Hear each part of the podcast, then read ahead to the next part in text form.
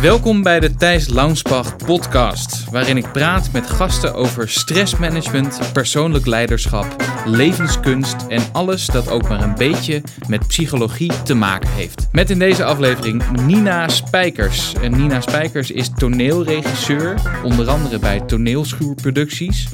En ze maakte onder andere de voorstellingen Het Temmen van de Fakes, Geluk en in dit seizoen Laura H. voor theatergroep Oostpol. En ik heb met haar een gesprek net ehm, voordat zij 30 wordt, zo in de Sinterklaas-kerstperiode. eh, over haar voorstellingen Temmen van de Fakes, maar ook over ontspannen, over presteren onder druk, over geluksterreur, over inzoomen en uitzoomen tegelijk, over eh, wat we kunnen leren van eh, theaterregisseurs, ehm, over overgeven bij de visio en over waarom je acteurs na twee weken andere schoenen aan moet trekken. Ik had best wel een gekke week. Want ik zat in een pressure cooker project.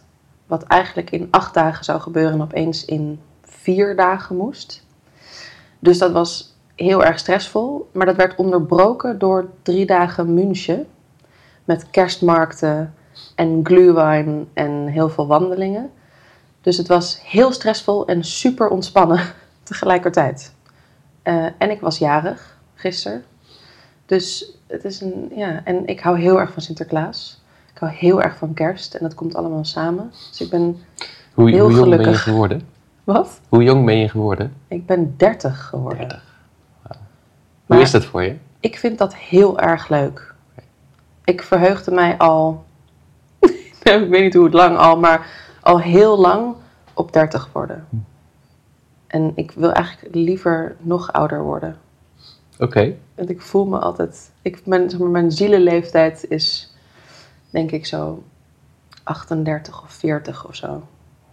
Al heel lang. Dus ik groei er langzaam naartoe. Waar, waar merk je dat aan? Hoe weet je dat? Ehm, ja, dat weet ik niet. Veel mensen zeggen dat tegen mij. Dat helpt ook. En ik heb me altijd makkelijker kunnen verbinden aan mensen van, eh, van, ja, die ouder waren dan ik. Al op school, van middelbare school had ik dat, maar ook daarvoor zelfs. Ik, ik, ja, ik hang graag rond met mensen die ofwel ook een oudere zielenleeftijd hebben, zoals jij misschien een beetje, eh, of eh, ook echt ouder zijn. Is het dan de bedoeling dat je de komende 8 tot 10 jaar ook je zielenleeftijd hetzelfde houdt, zodat je fysieke leeftijd zeg maar het kan bijbenen? Nou, dat zou dus heel handig zijn. Maar ik kan me ook heel goed voorstellen dat je dan zo bijna 38 bent en dan opeens erachter komt dat het weer 20 jaar is opgeschoven. maar dat is niet erg. Want dan is het dus nooit erg om ouder te worden. Wat volgens mij heel veel mensen heel ingewikkeld vinden. Zo, mensen die 30 werden in mijn omgeving waren echt zo. Ik word 30, nee, dat wat, wat afschuwelijk. Is echt. Ik had er ook wel last van. Ja? Ja? Ja. Waarom dan? Het idee de- van een soort van eh, minder mogelijkheden. Met je, twin, je twintiger jaren achter de rug hebben en alles wat het had kunnen bieden en wat het uiteindelijk geworden is. Ja, ik vond dat best wel lastig eigenlijk. Maar, En ook het idee van, oh, het, moet, het wordt nu echt serieus, zeg maar. maar hoezo minder mogelijkheden? Ja, Heb je minder mogelijkheden? Misschien kom ik er nu achter dat ik het helemaal niet leuk vind om 30 te worden, wat jij nu zegt. Maar wat is er dan minder mogelijk? Je kan toch altijd opnieuw besluiten tot iets anders met je leven? Ja, dat is waar. Maar je kan niet altijd nog je studententijd overdoen. Of Waarom zo. niet? Omdat het gewoon een beetje raar is als je al 30 bent, 30 bent gepasseerd en mensen gaan je raar aankijken ook. Oh ja. Misschien heb ik iets minder schaamte dan jij. Ja, misschien is, ja, dat, ja, schaamte en spijt. Misschien heb je dat minder dan dat ik Ja. dat heb. Oké. Goed, hoe kwamen we hier ook weer terecht? Je zei per- een pressure cooker, zei je. Wat, Ja. wat, wat is een pressure cooker project? Ehm, dat er in korte tijd heel veel moet gebeuren. Eh, en eh, dat je werkt naar een soort deadline. Dus ik was een voorstelling aan het maken. Mhm. Of tenminste iets tussen een lezing en een voorstelling in. Van een nieuwe tekst die ik heb ontwikkeld met Simone van Saarloos. En dat hebben wij bij de tekstmederij eh, in vier dagen gelezen en een beetje gerepeteerd. En een stukje ervan gelezen, gespeeld voor publiek in Bellevue in Amsterdam. En we hadden dus heel weinig tijd. Het was een heel heftig onderwerp. En we werkten naar een presentatie toe. Dus we moesten wel echt iets gaan laten zien. Eh, dus dan, ja, dan werkt het als een soort pressure cooker. Dat Hm. is ook heel prettig, want dan, omdat je geen tijd hebt, maak je snel beslissingen. Gaan gesprekken snel to the point. Eh, en ehm, moet je snel beslissen. En komt er ook eigenlijk meer inspiratie soms, omdat je geen tijd hebt. Hm. Dus die deadline, daar functioneer ik vaak wel goed bij. Onder druk wordt alles vloeibaar. Ja, ik zie al um, in jouw blik dat jij daar iets van vindt. Nou, nee hoor, nee, helemaal niet. Nee, Nee? Eh, nee want ik, ik herken het ook wel heel erg van, Ja. van projecten. Bijvoorbeeld, eh, ik heb de afgelopen paar jaar meegedaan aan een 48-hour film project. Waarbij je dan Oh ja. binnen, binnen 48 uur een, een, film, een korte film maakt. En dat is, heeft, heeft dit karakter ook wel. Je moet wel op een gegeven moment. Dus je moet met je, met je, met je intuïtie meegaan. Of het nou een heel goed idee is of het is een minder goed idee. Hoe Ja. blijkt dat te zijn? Je hebt niet de luxe van de tijd om alles heel hard te gaan wikken en wegen. Het is bevrijdend ook wel, Ja. toch? Ja. En slopend ook wel. Ja. ja, klopt. Ja. Hoe, hoe, hoe, ehm, wat het, dat vond ik wel interessant dat je dat zei. Dus een paar dagen dit, zo'n pressure cooker project, heel veel druk. En een paar dagen München. Dus je was Ja. even een paar dagen weg. ja. Kun je dan makkelijk soort van ontkoppelen? Ik kan het alleen als ik ergens anders naartoe ga. Dus als ik bijvoorbeeld vier dagen vrij had gehad, omdat andere mensen niet zouden kunnen, maar ik zou thuis zijn, zou ik absoluut niet kunnen ontspannen.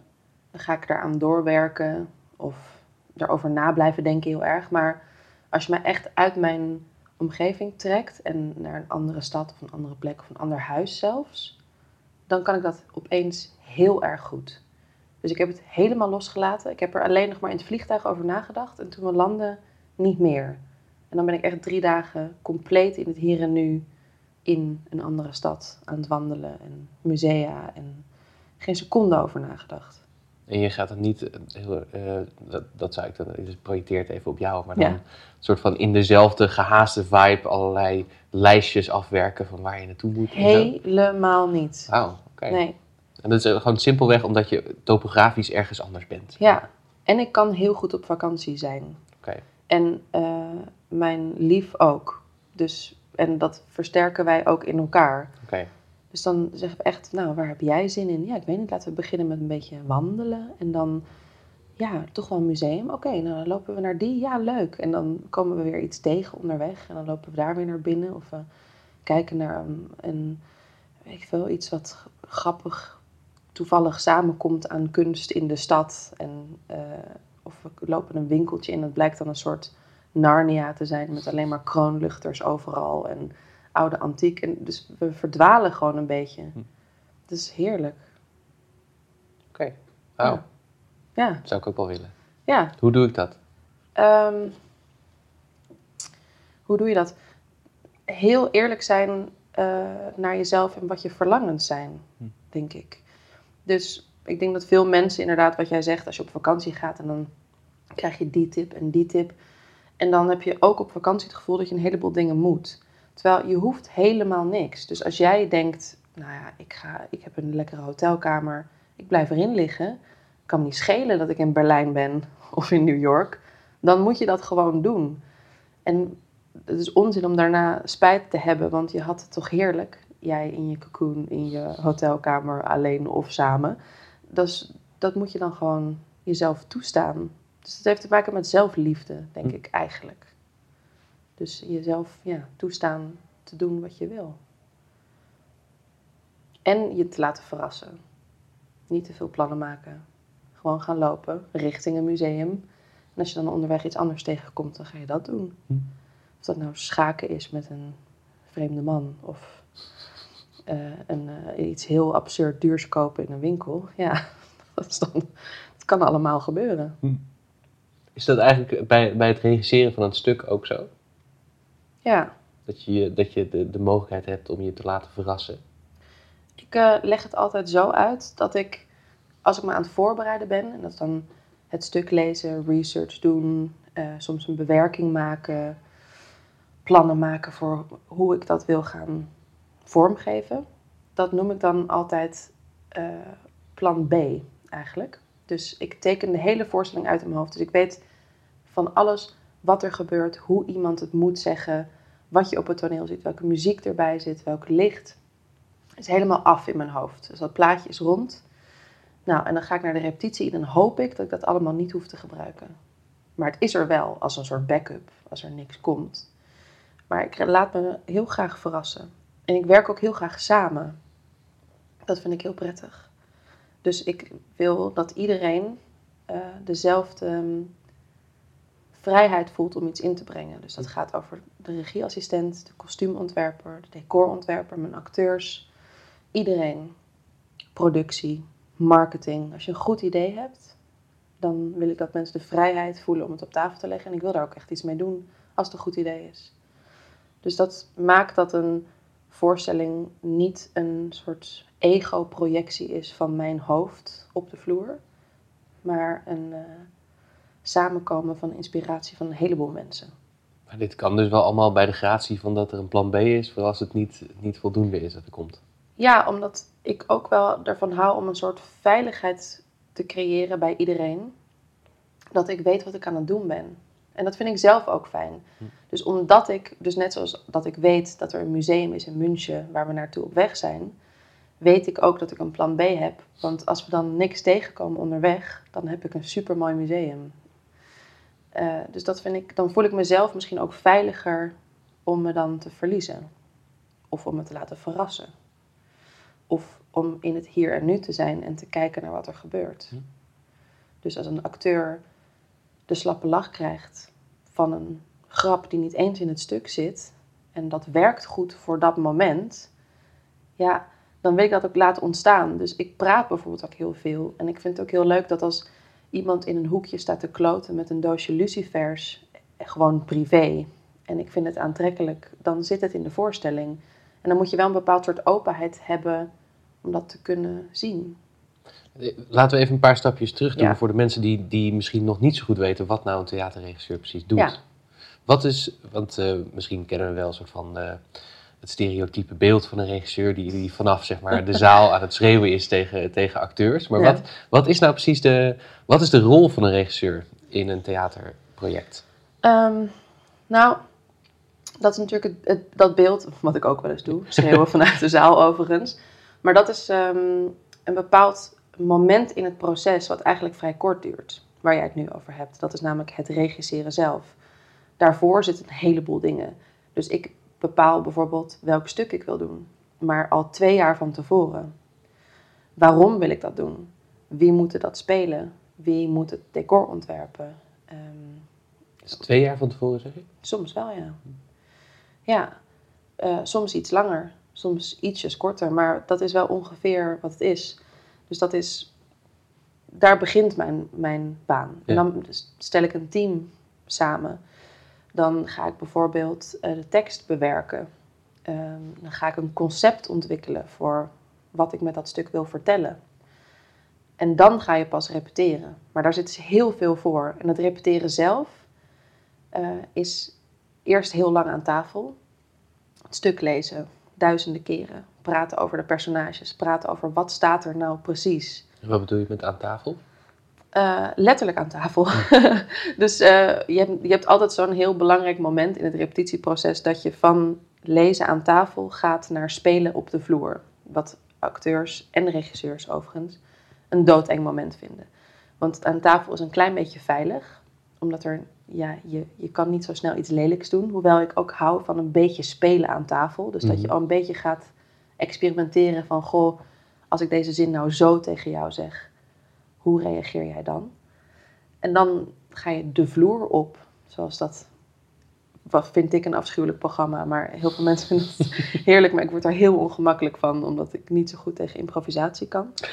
omdat ik dan geen controle heb. Um, ja, is dat een ding? Ja, oh, dat vind ik echt heel erg, ja. Ja, en los van, dat heeft niks te maken met dat er niet goed gespeeld wordt. Of dat ik dat een stom programma vind of, of wat dan ook. Hè. Dat is echt gewoon mijn heel persoonlijke ongemak. Met dat iemand iets aan het doen is wat hij niet voorbereid heeft. Ehm, en daar, ik krijg dan een soort plaatsvervangende stress. Omdat ik me dan verplaats in die acteur. En wat zou ik dan doen? En ik weet dan niet wat ik zou doen. Oh, in, in, je verplaats je in de acteur? Ja. Oké. Dus ik, ik zit dan te kijken naar een acteur die aan het denken is, oh, wat zal ik nu doen? En die stress, ja, die projecteer ik dan. En daar raak ik dan zo nerveus van dat ik er niet naar kan kijken. Oké. Ik vind het echt afschuwelijk. Maar goed, gelukkig werk ik vaak met tekst. Dus als wij de vloer op gaan, dan gaan we de vloer op met een scène die gewoon geschreven staat door een briljante schrijver, zoals Chekhov of Shakespeare of wie dan ook. Nog heel even terug naar de. Naar, ik vind dat een, een intrigerend moment. Van de- het moment dat je van de tafel de vloer op gaat. Ja. Kun je, kun je iets vertellen over, over wat voor soort momenten dat zijn? Of is er, is er een soort van demarcatiepunt? Of is het gewoon iets dat spontaan gebeurt? Nou ja, soms gebeurt het heel snel. Maar eigenlijk het moment dat ik de vloer op wil, is als ik het gevoel heb dat we allemaal, met alle mensen die aan tafel zitten, hetzelfde willen. Hm. Dus ik wil net zo lang praten, totdat ik het gevoel heb dat iedereen aan, aan die tafel denkt, dit zijn we aan het vertellen. En we gaan het ongeveer op deze manier doen. En dat gaan we nu uitzoeken. En dan voel ik de noodzaak om te zeggen, oké, dan gaan we nu spelen. Dan gaan we de vloer op, dan gaan we het vormgeven. Maar ik wil eerst het gevoel hebben dat we allemaal hetzelfde denken over, over die tekst. En jij bent degene die dan uiteindelijk de beslissing neemt van... oké, nu, is het, nu is het tijd. We halen die tafel uit het, uit het repeteerlokaal weg. Ja, maar ja, het is me ook overkomen dat een acteur gewoon zo bevlogen raakt dat hij gewoon opstaat en gaat spelen. Dus dat gebeurt ook heel vaak. Dat je gewoon ongeduldig wordt van het feit dat je dat, je dat personage misschien snapt of daar ideeën over hebt en gewoon ja, gaat. Ik kan, ik kan me ook voorstellen dat, je, dat het ook wel eens kan zijn dat je te lang aan tafel zit. Ehm, nou, ja. Nee, ik, ik, er zijn ook bijvoorbeeld theatergroepen die altijd aan tafel blijven zitten. Dus het is maar wat je belangrijk vindt. Ik hou er gewoon heel erg van om te kijken naar acteurs die heel erg goed weten wat ze spelen en waarom. Ehm, en daarvoor moet je soms gewoon lang aan tafel zitten. Maar je kan wel aan- te lang aan tafel zitten in die zin dat je daarna te weinig tijd hebt om nog te repeteren. Ja. Maar dat is me nog nooit gebeurd. Oké. Maar zo lang ben ik ook nog niet bezig. Dus misschien komt dat nog. Ja, ik zit even te denken aan de parallel. Misschien mensen die dit, die dit luisteren en die bezig zijn bijvoorbeeld... die een groot idee hebben wat ze, wat ze willen uitwerken. Ja, En dan kan ik me heel goed voorstellen dat, dat er juist echt wel een verschil is tussen de fase van het denken... ja, en op een gegeven moment de keuze van... oké, het, het is nog niet helemaal uit, voor 100% uitgedacht... maar ik ga nu dingen doen. ja. Nou, ja, het is de enige manier om iets te testen. Dus je kan een soort theorie hebben over een scène. Zo van, volgens mij gebeurt er dit. En dan kom je op de vloer en dan blijkt dat... doordat de schrijver bijvoorbeeld een andere intentie had... dat je daar helemaal niet uitkomt. En dan moet je iets nieuws bedenken. En dat kan alleen maar doordat je het doet. Dus je kan eindeloos aan tafel blijven zitten, maar als je nooit gaat spelen, kom je er nooit achter of die ideeën kloppen, of goed zijn, of uitvoerbaar zijn. Dus ja, je moet op een gegeven moment moet je het gaan proberen. En dat kost soms een soort ja, moed. Het is een soort sprong in het diepe. Ja, daarom vinden acteurs het denk ik ook zo eng. En de regisseurs het ook zo eng. Omdat dan kan je pas gaan falen ook. Terwijl dat eigenlijk nooit bestaat. In het theater al helemaal niet. En in de repetitieruimte al helemaal niet. In de repetitieruimte is tenminste mijn dogma, is alles wat je doet goed. Omdat het veilig moet zijn. Omdat je onwaarschijnlijk lelijk of slecht moet mogen zijn. Kortom, alles is goed wat je doet op de vloer. Heb, zijn er nog meer, heb je nog meer regels? Ik heb een heleboel regels. Ja? Vertel. Ik heb zelfs, ik heb ooit de. Het is eh, een regelboek. Is nou ja. Nina Spijkers regel, re- reglement. Je maakt er grappen over, maar het is wel echt zo. Ik heb ooit het eh, domme idee gehad dat ik eh, de discipline zou kunnen opbrengen om een blog te schrijven. Mhm.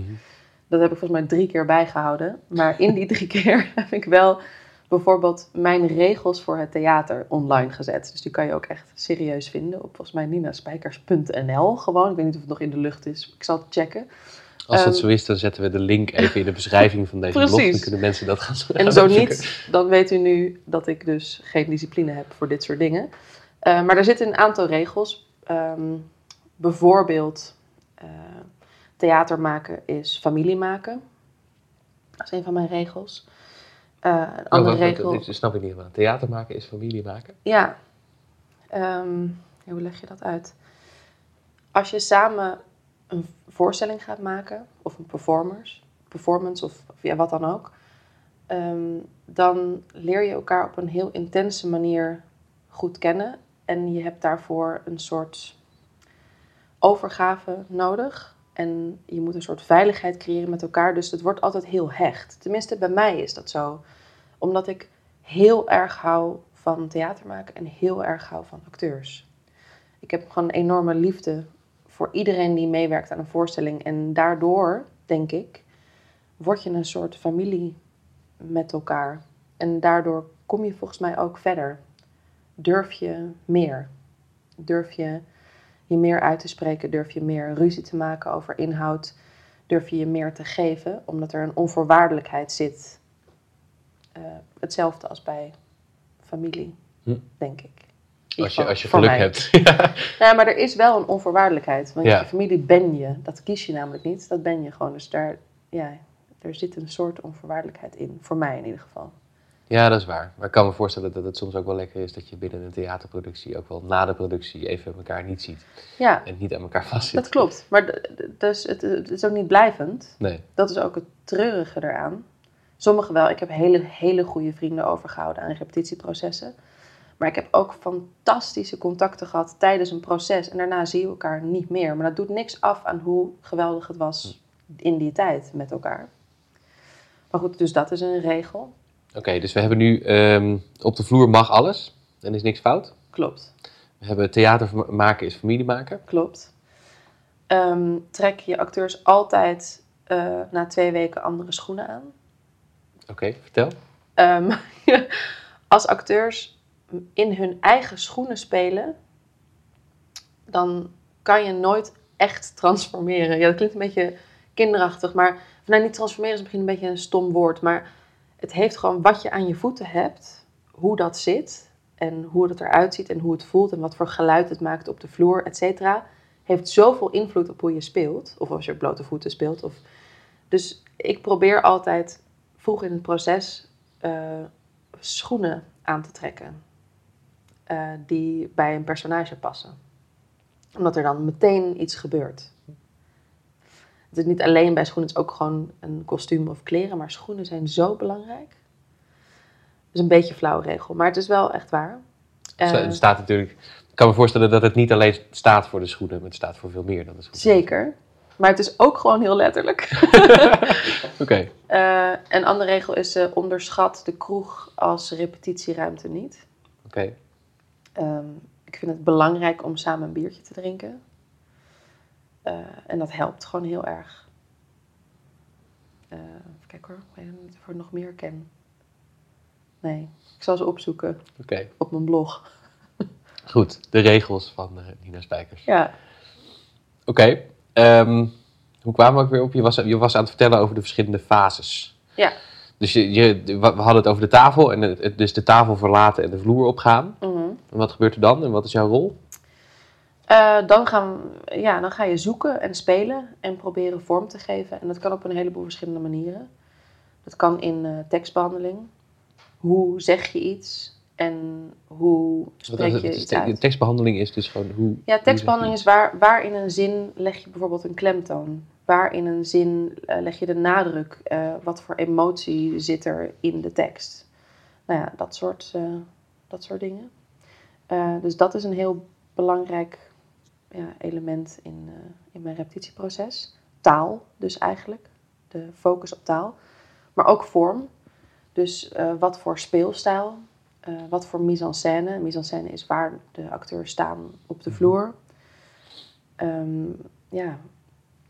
En dan proberen om een gelaagdheid te creëren. Dus om zowel in emotie en psychologie maar, en in taal en in mise-en-scène om overal betekenis in te zoeken. Dus in alles proberen het concept of de, het wat je wil vertellen aan het publiek. Dat is dus groter dan alleen maar het stuk van de schrijver. Proberen dat overal kracht bij te zetten op zoveel mogelijk manieren. Dat is wat regisseren is. En dat is millimeterwerk. En dat kost heel veel tijd.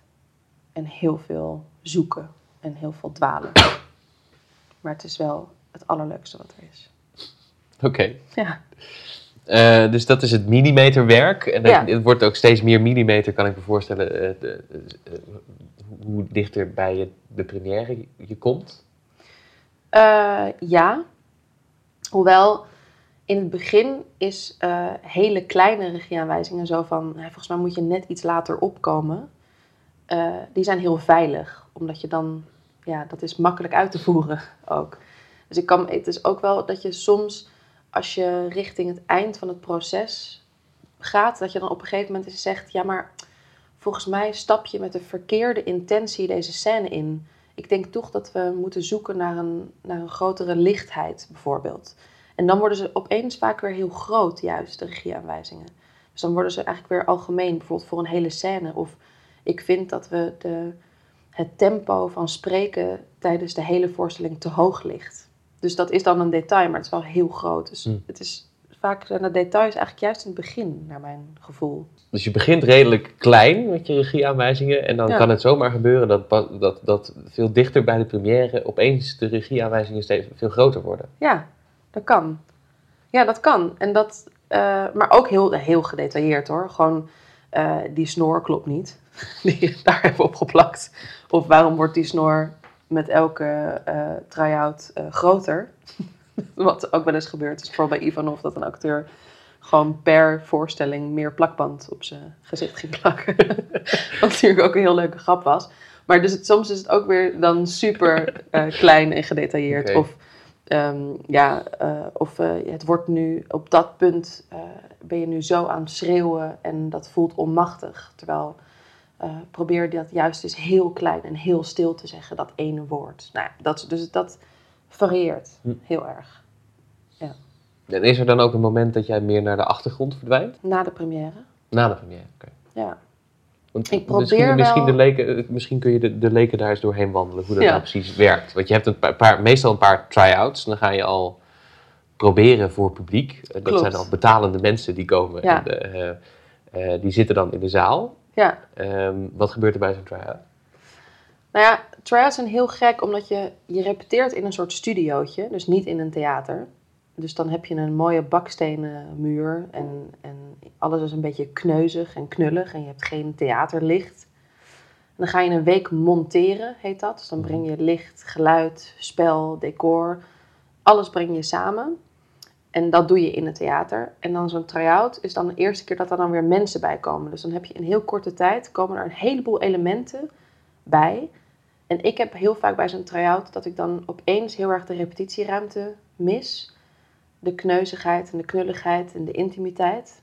Dus vaak is zo'n van die eerste try-outs kunnen soms een beetje zo verloren voelen. Dat je zo, ja, dat het opeens zo heel erg af is en gepolijst terwijl je dan helemaal niet wil. Of dat je erachter komt dat dingen die ik bijvoorbeeld heel grappig vind, publiek helemaal niet grappig vindt. Heel pijnlijk altijd. Ehm, Of andersom? of andersom. Dat is inderdaad waar. Dat gebeurt ook wel eens. Wat dan weer grappig is, te denken, hoe kan je hier om lachen? Dit is super serieus. Nou ja, dus dat is... Kun je een, voor- een voorbeeld daarvan geven? Nou ja, ik heb wel eens gehad dat bijvoorbeeld iets waarvan ik, waar ik, wat mij heel erg raakte, dus dat iemand een soort bekentenis doet of ehm, zegt ik voel me verschrikkelijk of ik hou heel erg van je of zo'n soort groot iets wat bij mij dan heel erg emotioneel raakt, wat mensen dan heel grappig vinden doordat het uit het niets komt bijvoorbeeld. Of, maar voor mij komt het helemaal niet uit het niets, want A, ik weet dat het komt. B, ik zie een acteur een heleboel hints droppen eh, gedurende het stuk. Dus nou ja, misschien dat soort dingen. Dat, dat kan dan nog wel eens heel erg eh, eh, verrassen. Ja. Ik vind het heel leuk als mensen lachen om eh, taal. Dus wij proberen, ik probeer altijd een soort dubbelheid te creëren in taal, waardoor er woordgrappen in zitten. Als mensen daarom lachen, dan ben ik het aller, aller gelukkigst. Want dat zijn echt van die subtiliteiten en dan ben ik zo trots dat dat lukt, dat dat overkomt. En... Dus nou ja, try-outs zijn heel spannend. Echt on- bijna spannender nog dan de première. Omdat je bij try-out voel je dat, het, dat je nog iets kan doen. Mhm. Maar je hebt niet zo heel veel tijd meer. En je bent ook heel erg bezig met wat vindt het publiek. Wat een, echt een nieuw element is dan. En dus dat is heel spannend. Hoe reageren ze? Op wat reageren ze? Wat vinden ze? Wat voelen ze? Hoe lopen ze de zaal uit? Wat voor vragen hebben ze daarna? Zijn dat vragen die ik wil beantwoorden? Of eigenlijk helemaal niet? Dus nou ja, dat is echt oh, zenuwslopend en, en, en heel leuk. ja. Het tweede, het tweede, we hebben het nog niet gehad over wat ik altijd een heel interessant fenomeen vind bij, bij theaterproducties. Mhm. Het fenomeen notes. ja, Kun je, kun je dat uitleggen? Ehm, ja, notes zijn, eh, ik zeg altijd noaats, wat een heel flauw woord is, maar dan vind ik het minder streng klinken. Ehm, is dat je tijdens een voorstelling eh, met publiek of een generale zonder publiek, dan schrijf ik kantjes vol met aantekeningen. Eh, ik ben daar heel slecht in, dus meestal ze komen alleen op papier als ik bijvoorbeeld een regieassistent heb. Want dan kan ik blijven kijken en in iemands oor fluisteren of porren van schrijf dit even op. Ehm, dus dan heb je velletjes vol met notes. En dan na de voorstelling ga je met elkaar in de keuken zitten met een biertje of een wijntje. En dan ga ik daar helemaal doorheen. En dat kunnen inderdaad van die details zijn als uh, je snor is te groot. Of inderdaad, dit speel je te groot of te klein. Of uh, je vergat deze tekst of um, je komt te laat op of weet ik veel. Of hele belangrijke grotere dingen. Dus uh, de, de hartslag van het stuk klopt niet omdat de dynamiek in die scène uh, toch eigenlijk verkeerd is. Dus we gaan daar te langzaam en het wordt daar te zwaar. Terwijl het emotionele zwaartepunt de scène daarna zit, bijvoorbeeld. en dan bespreek je dat. En soms doe je dat meteen na de voorstelling. En soms uh, doe je dat uh, een beetje katerig de volgende ochtend hm. voordat je de vloer op gaat. Ik vind het wel fascinerend in hoeverre je dus als regisseur echt minutieuze dingen opmerkt. Ja. Maar ook de hele tijd het oog hebt op dat soort hele grote lijnen. Ja. De hartslag van het, het stuk als geheel. Ja. Wat bij me heel lastig lijkt om naar iets te kijken. En ook de hele tijd het, het hele stuk van twee uur in je hoofd te houden. Dat is het aller, aller, aller moeilijkste aan regisseren. Dat je continu moet inzoomen en uitzoomen tegelijkertijd. Dat maakt het heel erg moeilijk. Eh, en maakt ook dat, dat je, eh, dat kan je ook oefenen. Dus ik word daar dus ook steeds beter in. Hm. Dus ik merk bijvoorbeeld heel letterlijk aan mijn houding in een stoel. Vroeger zat ik altijd op de eerste rij en leunde ik naar voren. En nu vind ik het heel prettig om achter in de zaal te gaan zitten en leun ik naar achter. Hm. Dus het is gewoon echt letterlijk mijn, in mijn lijf heeft geleerd. Gewoon letterlijk het uitzoomen. Dus Ja. naar, achter zitten op de achterste ja, ja. en soms moet je eventjes kijken, eh, gewoon een beetje door je wimpers kijken. In plaats van met opengesperde ogen naar voren geleund. Betekent dat ook, misschien een gekke vraag, maar betekent dat ook als jij, als jij het gevoel hebt van ik moet, ehm, hier moet ik, is het minutieus werk dat ik nu moet gaan doen aan deze scène, dat je dan vooraan gaat zitten en iets meer naar voren gaat buigen? Nee, eigenlijk moet je juist dan eh, naar achter gaan zitten Hm. en, en, eh, en gewoon even uitzoomen. Want dan kan je zien, oh ja, maar wacht, eigenlijk zit het alleen hier in de scène dat het even misgaat. En daar gaat het eigenlijk juist weer goed. Terwijl dat is niet hoe we het hebben gerepeteerd, bijvoorbeeld. Dus het is ook, wat heel lastig is, dat ik heb gezegd, zo wil ik het hebben. En dan ga je ook zoeken naar, gebeurt het dan zoals ik het wil? Terwijl dat is een hele gevaarlijke. Want dan kan jij wel denken, ja, maar het wordt wel gespeeld. Terwijl als je het achterover zou zitten, zou je zeggen, ja, het wordt wel gespeeld. Maar eigenlijk gebeurt er iets anders, groters, wat ik daardoor mis. Omdat ik aan het zoeken ben naar dat wat ik zelf bedacht heb, bijvoorbeeld. Dus Is, is dat een van de grote fouten die je op jouw vakgebied maakt? ja, absoluut. Ja. Dat is bijvoorbeeld dat je hebt gezegd, deze twee personages hebben eigenlijk een oogje op elkaar. Ik noem maar even iets heel plats. Dit is een Mhm. slecht voorbeeld, het gebeurt ook nooit, maar omdat het heel, heel begrijpelijk is. Deze twee personages hebben een oogje op elkaar. En dan, eh, en dan zitten er drie momenten in dat hele stuk waaruit je dat zou kunnen opmerken. En omdat ik weet dat die drie momenten erin zitten en daarop ga letten, zie ik dat. Maar als je uitzoomt, dan zie je er geen reet van. Eh, en dan kan je een soort teleurstelling voelen bij later als je dan vraagt: zag je dat die en die een oogje op elkaar hadden? Nee, nee, dat zien we helemaal niet. Hè? Wat stom, waarom ziet het publiek dat niet? Ja. En dan ben je bijna teleurgesteld in je publiek. Terwijl het publiek heeft altijd gelijk, in zekere zin. Dus ik heb het gewoon niet goed gedaan dan. En ik zie het alleen maar omdat ik weet dat het er is. Ja. En dat is gevaarlijk. En daarom moet je uitzoomen, de hele tijd. En inzoomen. En soms is dat uitzoomen heeft als effect dat je distancieert van wat je gemaakt hebt. En dat voelt heel pijnlijk ook. Omdat het is een soort kind wat je maakt. En dan moet je opeens achterover en zeggen: Oké, doe maar jongens. En ik, ik trek me een klein beetje terug. Dat, voelt, dat doet zeer ergens. Omdat je wil op die eerste rij blijven zitten. En je wil eigenlijk bijna meedoen. En meevoelen en meepraten. En... Maar dat mag niet. Dus je moet je terugtrekken. Eh, dat het kan best Moet je jezelf dan ook zeg maar actief eh, behoeden voor micromanagen? Ja. Ja. Ben ik heel slecht in. Controle. Ja. ja. Ja, omdat ik me heel verantwoordelijk voel voor alles. Ja. Eh, dus ja, dat, ik vind dat ongelooflijk moeilijk om los te laten. ja, ik kan me voorstellen dat misschien mensen dit ook luisteren die niet per se theaterregisseur zijn, maar wel op, op hun eigen manier bezig zijn met Ja, een productie neerzetten in wat voor zin dan ook. Of een team leiden, waar Ja. je natuurlijk heel erg dezelfde beweging hebt. Hè? Dus af en toe moet je, moet je op een kleine schaal ingrijpen, maar, maar je moet ook dat soort Ja. van kunnen tegenhouden en achterover kunnen gaan hangen. ik denk dat theater sowieso in die zin, of theater maken, een hele goede metafoor is voor een heleboel processen. Eh, en dus dat, dat voelt ook leuk. Ik vind het ook altijd, soms dan probeer je uit te leggen wat een, eh, wat een regisseur is. En dan mensen denken altijd, ja, maar je ziet de acteur. En dan is het makkelijker inderdaad om te vergelijken met een bedrijf, bijvoorbeeld. En dan zeg je dat ik ben meer een soort manager. Oh, oké. Dan komt er een soort golfje van, van begrip. Want je ziet het natuurlijk niet. Als je denkt aan theater, dan denk je aan De Acteurs. Ja. wat ik snap. Dat had ik ook. Daarom wilde ik vroeger actrice worden. Want ik dacht, oh, maar als ik daarbij wil horen, dan moet ik gaan spelen. maar heel veel later kwam ik er pas achter, oh wacht, er zijn nog een heleboel andere functies die bijdragen aan dat wat je ziet. En een regisseur, die doet alles. Dan wil ik dat.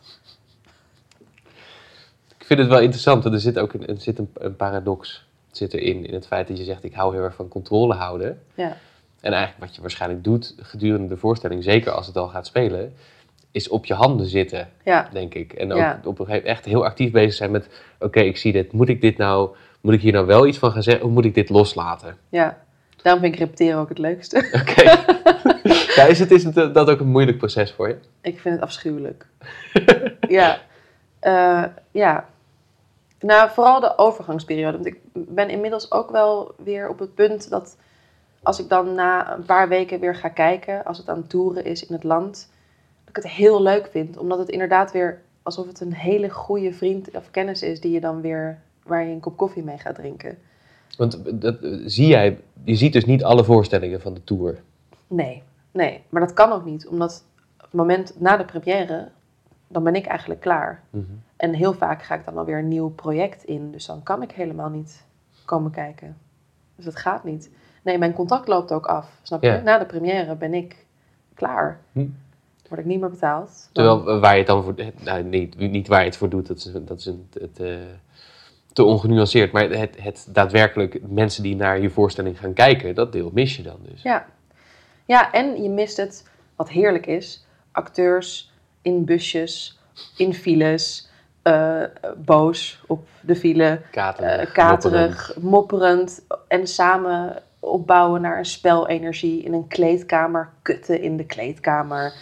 Ehm, eh, mensen die praten over hun liefdesleven, mensen die roddelen, goede grappen, hoe was je weekend? En dat is dus mijn familie geworden. Ja. Dus dat is soms heel pijnlijk dat je daar dan niet meer bij Oh, ik dacht je ging zeggen, wat heerlijk dat je er niet bij hoeft te zijn. Oh nee, ja, nee, heerlijk. Nee, juist dat. Ja, ik, ik- oh, maar dat is ook. Ik ben opgegroeid als kind van twee acteurs. Dus Mhm. dat is ook heel lang geweest wat ik het allerlekkerst vond. Gewoon dat in, in, in zo'n busje meezingen met de muziek of flauwe grappen maken. Of ehm, dan weer ergens uit eten in een of ander. eh, ja, Een lokale hol. Chinees. Eh, ja, precies. Ja, ja, ja, geweldig. oké. Nou, dat mis ik dan. Hmm. En ook inderdaad de, de, de reacties van het publiek, want ik hecht daar enorm aan. Dus ik doe het wel hoor. En ik hou heel erg van nagesprekken en inleidingen. Dus dat probeer ik dan zoveel mogelijk te doen bij theaters die dat willen. En dan spreek je het publiek en dat vind ik heel erg leerzaam. Dus dat doe ik wel. Ehm, we waren bij de, bij de première, dus we hadden de try-outs gehad. Nou, dan Ja. werk je veel met, met notes en met, ga je nog dingen omgooien, denk Ja. ik. En moet het dan bij de première al helemaal staan? Ja, En is het dan gewoon, loop jij dan na de première de zaal uit en ga je een biertje bestellen? nee, nee joh. Oh, oh, premières. Oh, premières. Vertel. Terwijl, kijk, want ja, het moet af zijn. Maar het moet af zijn, zeg maar, mijn werk is dan in principe klaar. Alleen dan heb je die voorstelling pas vier keer gespeeld. En het verschil tussen dat je hem vier keer hebt gespeeld of twintig keer, het, het, dat hij echt is ingedaald, dan is hij natuurlijk. De voorstelling is nooit af, want een voorstelling is elke avond anders en ontwikkelt zich. Dus daar, ja, dus het is niet. Maar jouw af. rol is wel... Mijn rol is alleen is voorbij. Ja, En dus dat voelt heel gek. En daarom zijn premières ook afschuwelijk, omdat het is een soort momentopname. het is ook een afscheid. En het is een afscheid, maar die momentopname wordt dan gezien als, eh, als, als het stuk wat dan af is. En daar, daar wordt het op beoordeeld. En dat beoordelen, ja, daar blijf ik een enorme moeite mee hebben. Dus dat, je, dat er recensies komen, dat er sterren komen, dat mensen eh, zeggen eh, het is afschuwelijk of het is fantastisch. Of, ik weet niet, ik, dat, dat blijft voor mij een, eh, een, ja, dat blijft een afschuwelijk moment. Omdat, het lukt me om daar steeds meer afstand van te nemen. Om bijvoorbeeld, soms probeer ik recensies niet te lezen. Mhm. Ehm, maar ja, het blijft een, een ingewikkeld. Wat, doe, wat doe je als je zo'n als je zo'n recensie wel toevallig leest of je krijgt hem doorgestuurd van iemand? En het, het- wat, wat zeg je dan tegen jezelf? Stel, het is een negatieve recensie. Nou ja, ik probeer, en dat is, dat probeer je dan tijdens de try-outs of eh, tijdens de première, probeer er naar te kijken. En probeer je met een bepaalde afstand te kijken naar wat heb ik gemaakt? Wat vind ik daar zelf van? Is het geworden wat ik wilde dat het werd? Wat heb ik ervan geleerd? En dan probeer je die dingen, gecombineerd met een, met een mening van een aantal mensen die ik dan heel erg respecteer, die ook heel negatief kunnen zijn, bijvoorbeeld, die ook heel kritisch kunnen zijn, die probeer ik te combineren. En dat probeer ik dan me te herinneren dat dat de voorstelling voor mij is. En als dat goed lukt, dan kan ik alle recensies lezen met een bepaald soort afstand.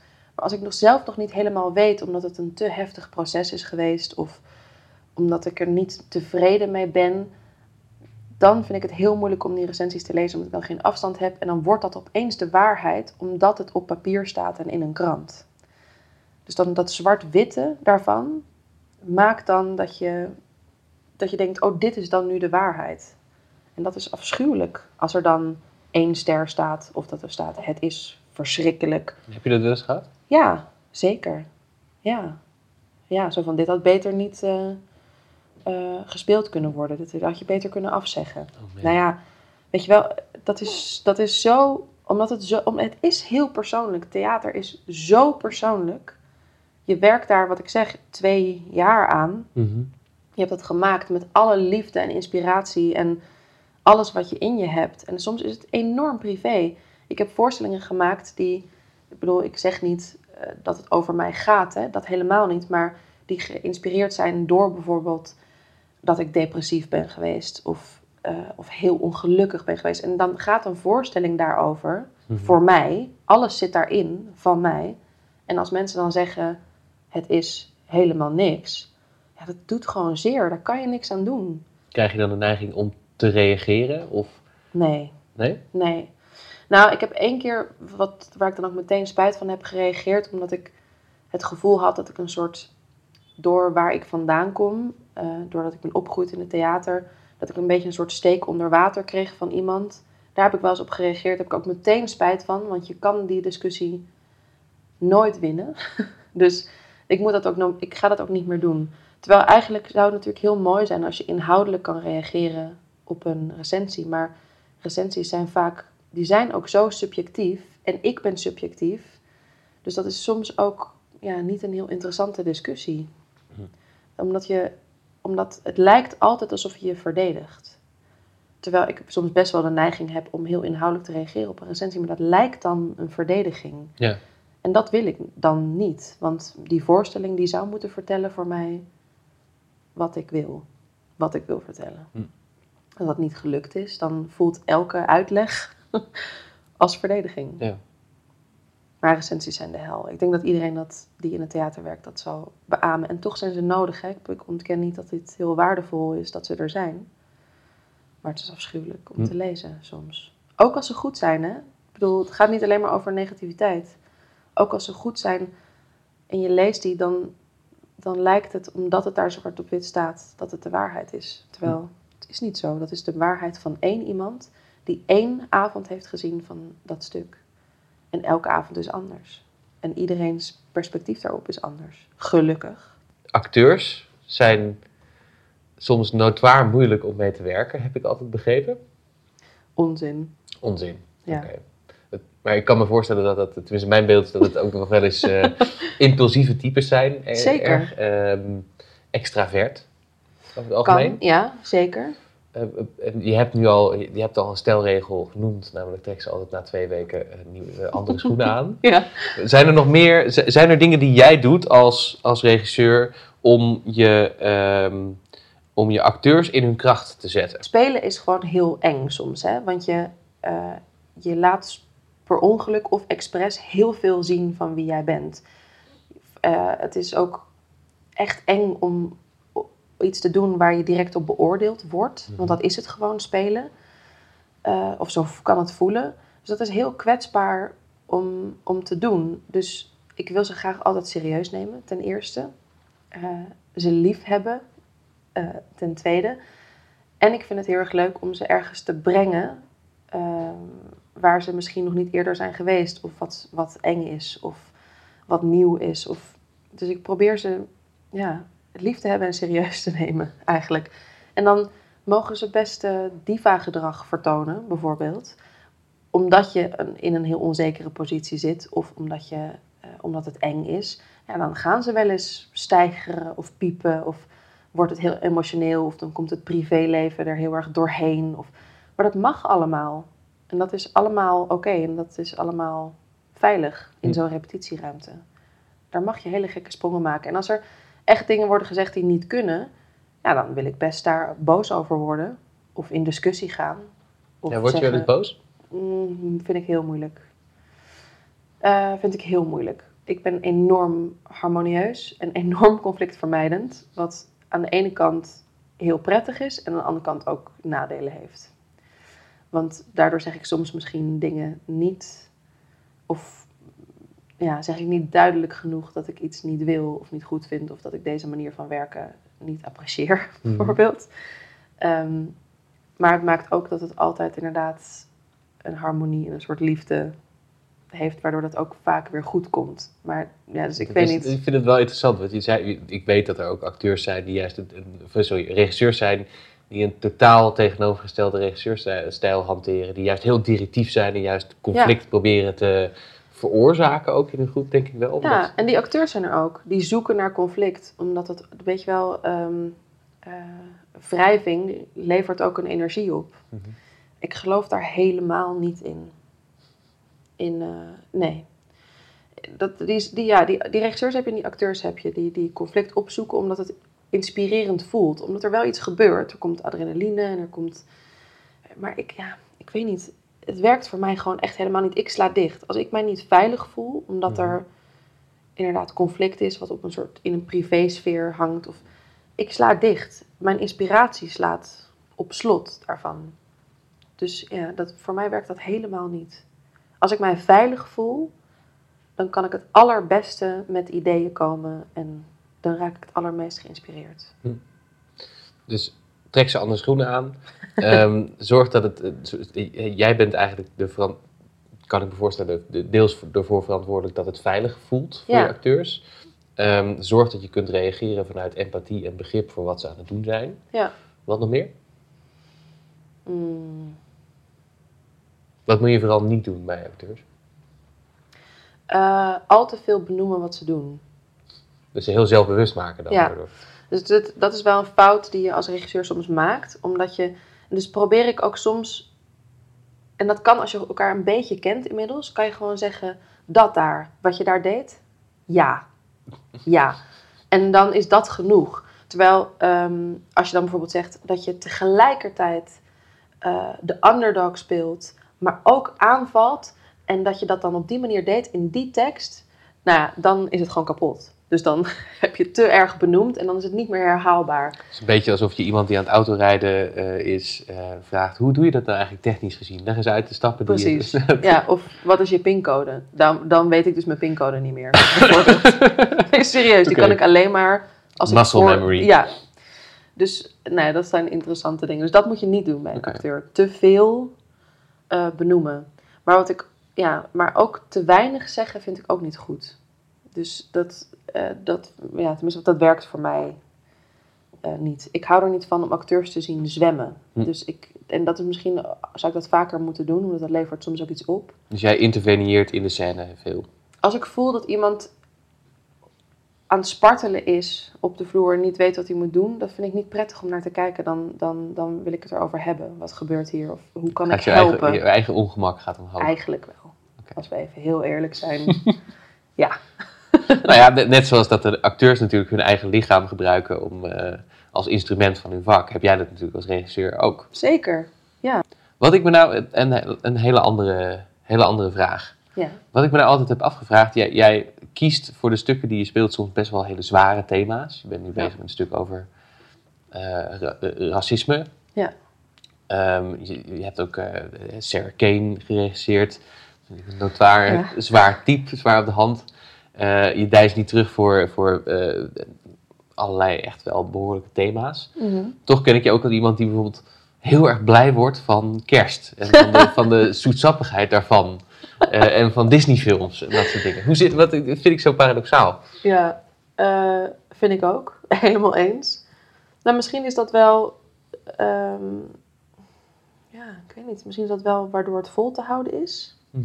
Ik, ik, ik denk dat ik goed ben in relativeren. Ik denk ook dat ik veel humor heb. En dan bedoel ik niet dat ik grappig ben, want dat wil ik absoluut niet zeggen. Maar wel dat ik heel makkelijk de humor kan inzien Ja. van dingen. Zoals dat ik bijvoorbeeld gisteren een kater had en naar de fysio ging na drie uur slaap. En dan moet overgeven omdat hij me pijn doet en daar misselijk van wordt. Ik vind dat, zeg maar naast dat dat heel gênant is, vind ik dat dus ook heel grappig. En ik denk dat dat het leven wel eh, een stuk makkelijker maakt. Dus het heeft te maken denk ik met relativering. En het is ook een keuze. Kijk, kerst, ik, als ik mijn best doe, zou ik kerst en Disneyfilms ook als iets afschuwelijks kunnen zien. Hmm. Maar het is ook een soort beslissing. Ik heb besloten dat ik dat gewoon heel leuk vind. Even voor de, voor de duidelijkheid, dit, deze podcast wordt eh, zo net twee weken voor kerst opgenomen. Eh, Nina zei net vo- vooraf voor de opname dat haar enige taak verder nog vandaag is de kerstboom die hier links achter mij staat, eh, het op te tuigen. Hij is best groot. Hij is best Mag groot. dat ook gezegd worden? Ja, hij is, het, is een, het is een enorme kerstboom en hij staat op een soort turquoise Sokkel, eh, sokkel. Ja, met, een- met een panter ernaast. dat klopt. Het is een soort kerststal, maar dan heel, net Ja. een beetje anders. Klopt. Ja.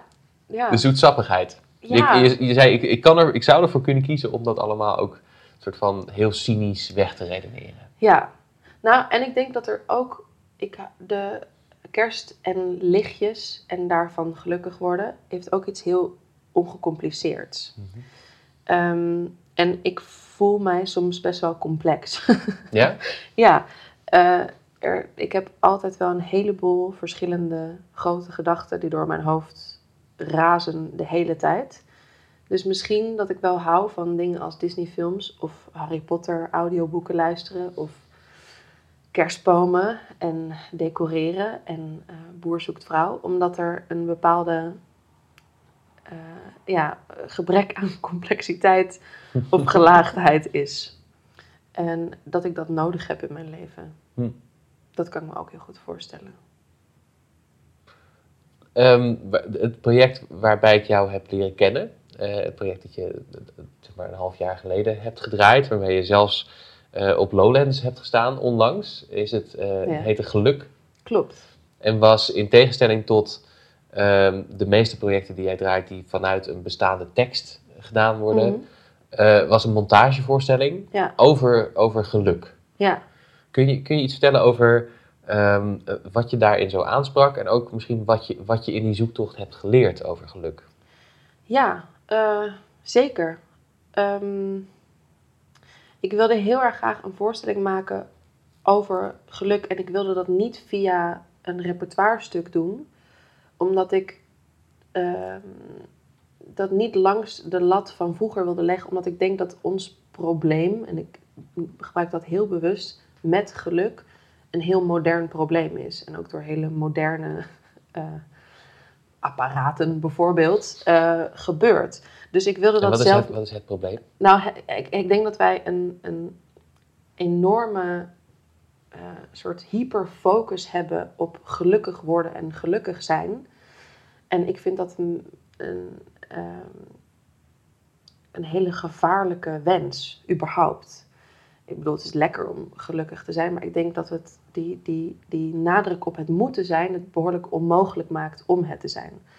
Dus ik vind dat wij een Wacht even hoor, voor- de luisteraars die Ja. denken, wat?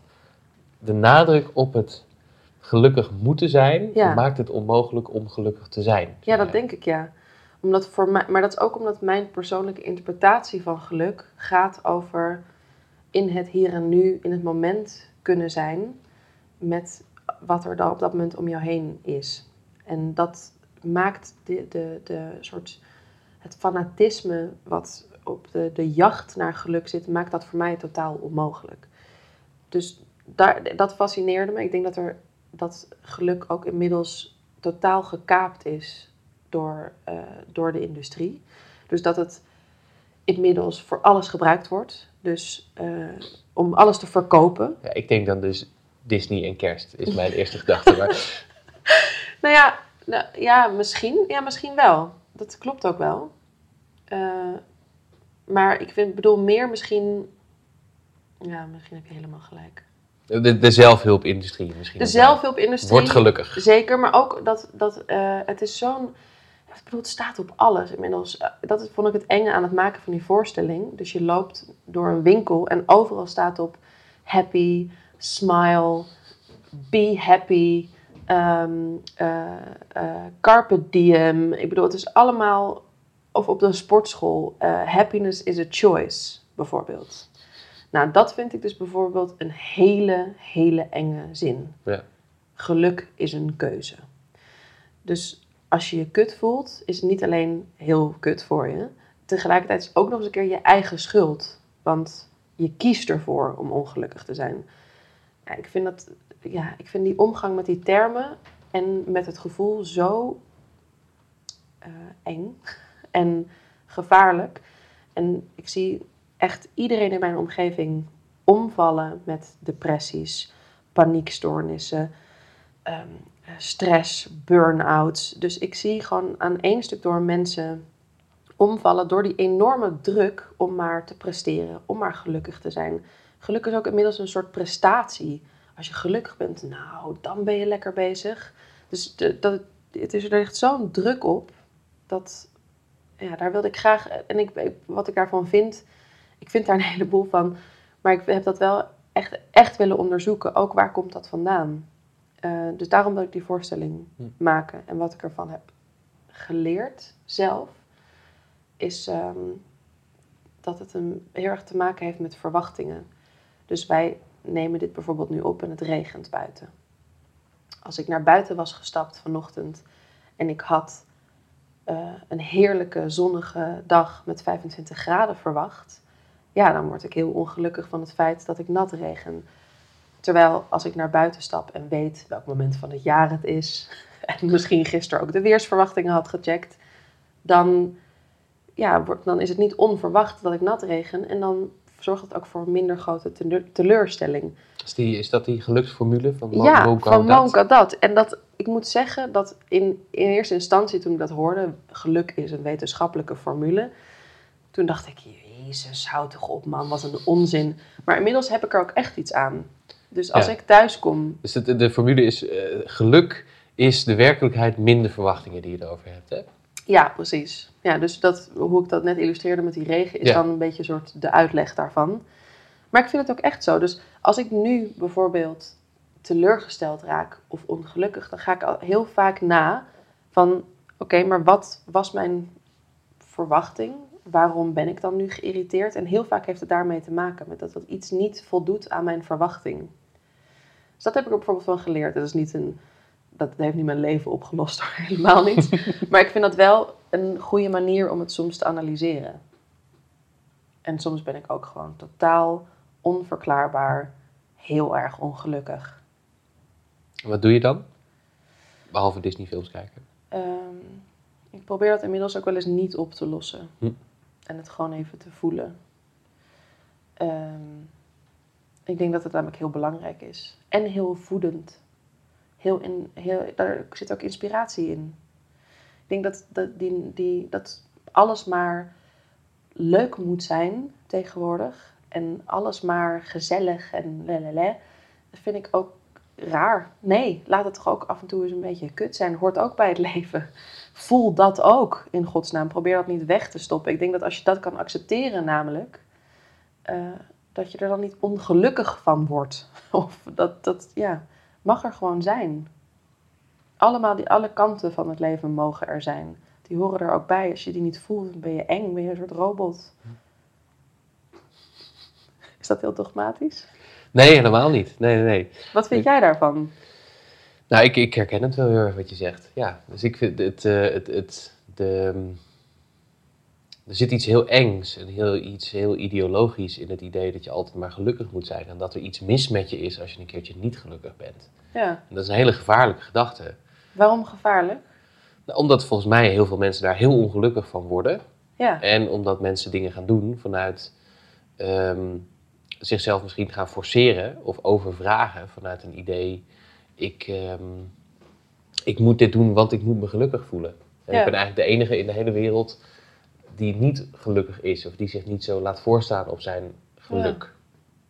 Want je ziet natuurlijk wel al die, al die leuke, blije buitenkanten van mensen. En oh, wat hebben we een fantastisch leven. Hoe ziet het er allemaal uit? Ehm, daar kan je heel snel het gevoel van krijgen van... ik ben eigenlijk de enige die dat niet heeft. Ja. En die twijfelt en die soms ongelukkig is. Ja. Dus ik vond het daarom ook een hele belangrijke voorstelling die, je- die je hebt gemaakt over dit thema. Ja. Kijk, Het was, het was natuurlijk niet een, een statement, het, waren, het was een montage van verschillende facetten. Zeker. Ja, ook omdat ik het belangrijk vind om niet ehm, één uitspraak te doen. Nee, Dus één antwoord. Maar ik wilde wel een soort bewustzijn creëren over dat, eh, dat geluk een heel complex begrip is. En heel erg heftig om als doel van je leven te stellen. ja. En als ik er nu zo even op terugkijk, en we hebben het er nu over, dan denk ik ook, ja, wat we in ieder geval hebben kunnen doen met die voorstelling is, dat heb je manifest gemaakt. Ja. Eh, maar we hebben er ook om kunnen lachen, om de, om de tragiek Ja, van dat streven. Dus Die zeker. hamsters in die, in die molentjes achter, achter hun eigen staart aan, zeg maar. Absoluut. Ja. Ja. En wat, ik heel, wat voor mij heel ehm, effectief was in die voorstelling was een speech die bestond uit alleen maar termen die we hebben gevonden in winkels. Dus dat Ja. waren titels van zelfhulpboeken, titels van thee, bijvoorbeeld. Ehm, ja, eh, geluk voor kinderen.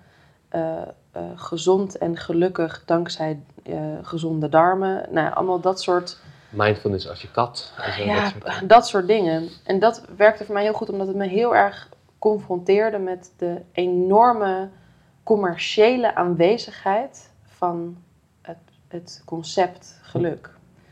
En dat raakte mensen, ik weet dat dat tijdens die voorstelling mensen heel erg raakte, omdat het een soort enge preacher eh, was Ja. die, die, die die tekst bracht. Happy, werkelijk waar, als u erop gaat letten, lieve mensen die dit luisteren, waar, de- waar je dat allemaal tegenkomt, dat is onwaarschijnlijk. Loop een willekeurige winkel binnen of winkelstraat of zet je tv aan of zet hem vooral ook weer uit. Maar geluk, happy, smile, het is echt overal. Noemde je dat daar ook tijdens, of ik niet eh, in een radioprogramma zeggen, geluksterreur? Ja. Ja. Ja. Ja, dat vind ik ook echt, ja. Eh, ik voel me ook daardoor serieus geterroriseerd Hm. soms. Omdat we moeten al zoveel. We moeten al zoveel zijn. Eh, gelukt, succesvol, rijk. Al die dingen moet ik al, gevoelsmatig. En dan ook nog gelukkig En dan zijn. ook nog gelukkig zijn. Ja, ik vind het nogal wat wat je, wat je dan eh, mensen oplegt. Ja. Hoeft voor mij allemaal niet. In ieder geval. Oké. We hebben het over eh, al best wel veel gehad en ook over een hele hoop dingen nog niet, jammer Ja. genoeg. Eh, ik heb je wel eens horen zeggen dat je al tot 2022 bent volgeboekt met projecten, klopt dat nog? Nou ja, nou niet volgeboekt hoor, maar ik weet wel van, van er komt nog veel aan en dat weet ik allemaal al. Ja. En dat kan soms, ehm, dat is he- helemaal te gek hè. Ik bedoel, laten we dat even voorop stellen. Ik mag doen wat ik het allerliefste doe, Ja. namelijk regisseren en dingen maken. Dat is fantastisch, punt. Maar dat, ik, dat dat er allemaal aan zit te komen, voelt ook als een hele grote druk. Ja. Eh, dus ik voel me daar soms wel door overweldigd. Hm. Door die hoeveelheid werk waarvan ik weet dat het, dat het belangrijk is dat het lukt. Of eh, goed gaat. Of waar ik me op moet voorbereiden. Of ja, überhaupt dat het zo ver van tevoren vast ligt wat je op dat moment met je leven aan het doen bent. Eh, af en toe dan word ik heel, krijg ik een soort gewoon de behoefte om uit Amsterdam te verhuizen en boven een berg een moestuin te beginnen en me terug te trekken uit het leven. Maar ik wil heel veel vertellen. En dat is de reden dat ik dat niet doe. Oké. Dus als u nou eh, ergens de komende jaren denkt, oh, Nina Spijkers, daar heb ik helemaal niks meer van gehoord. Dan zit je ergens in een moestuin, zit je... Absoluut. eh, Met maar, een ja, schade aan geiten en kinderen. En dan, ja, precies. intens. Maar veel, veel waarschijnlijker is het nog dat we je terugzien met... eh, als mensen iets willen zien van je, dan kunnen ze nu bijvoorbeeld volgens mij naar de voorstelling van Hadewig Minis. Ja. Minis Plus. Minus plus, ja. Eh, dus dat in is... Carré bijvoorbeeld. In Carré bijvoorbeeld. In mei, dacht ik. Ja, Oké. En eh, er komt natuurlijk eh, de, het thema van de fakes komt eraan. klopt. Of had ik dat nog niet mogen zeggen? Zeker wel. Ik begin Er zijn nog flyers van. volgens mij. 7 januari met repeteren. En in februari gaan we al spelen. Ja. En alle mannen spelen de vrouwen en alle vrouwen spelen de mannen. Dat is eigenlijk al een heel gesprek aan zich waard. Dus misschien Absoluut. Moet, Dus misschien ik- moeten we dat nog een keer doen. Ik denk, dus ik dacht, ik drop deze hint even. Ja, de thema van de fakes, toneelschuurproducties weer, klopt. begint in februari. Ehm, maar eerst dus eh, kerst Ja. en eh, kerstfilms en ja. dat soort dingen. Ehm, je, blijft, je blijft een vrouw van paradoxen voor mij. Dus iemand die heel erg controlebehoeftig is, maar in een vak zit waarbij het controle opgeven ook een heel belangrijk punt is. Ja. Iemand die heel erg eh, die kritisch is over de geluksterreur, maar wel heel erg houdt van kerst en, Ja. en Aladdin. Ja. Eh, ik vond het een heel mooi gesprek. Dankjewel, Nina. Graag gedaan. Je luisterde naar de Thijs Launsbach podcast. De links, de namen en de informatie uit deze aflevering kun je vinden in de omschrijving. De muziek voor deze podcast werd gecomponeerd door Bart Liebeert en Hugh Blaines. Je kunt je voor deze podcast abonneren, dan krijg je een melding wanneer er weer een aflevering online komt. Dit kan via iTunes, via Spotify, via de andere podcastkanalen of via thijslaunsbach.nl. En mocht je daar dan toch zijn, schrijf je dan vooral ook in voor mijn nieuwsbrief. Dan hou ik je op de hoogte van alle nieuws rond boeken, columns en podcasts.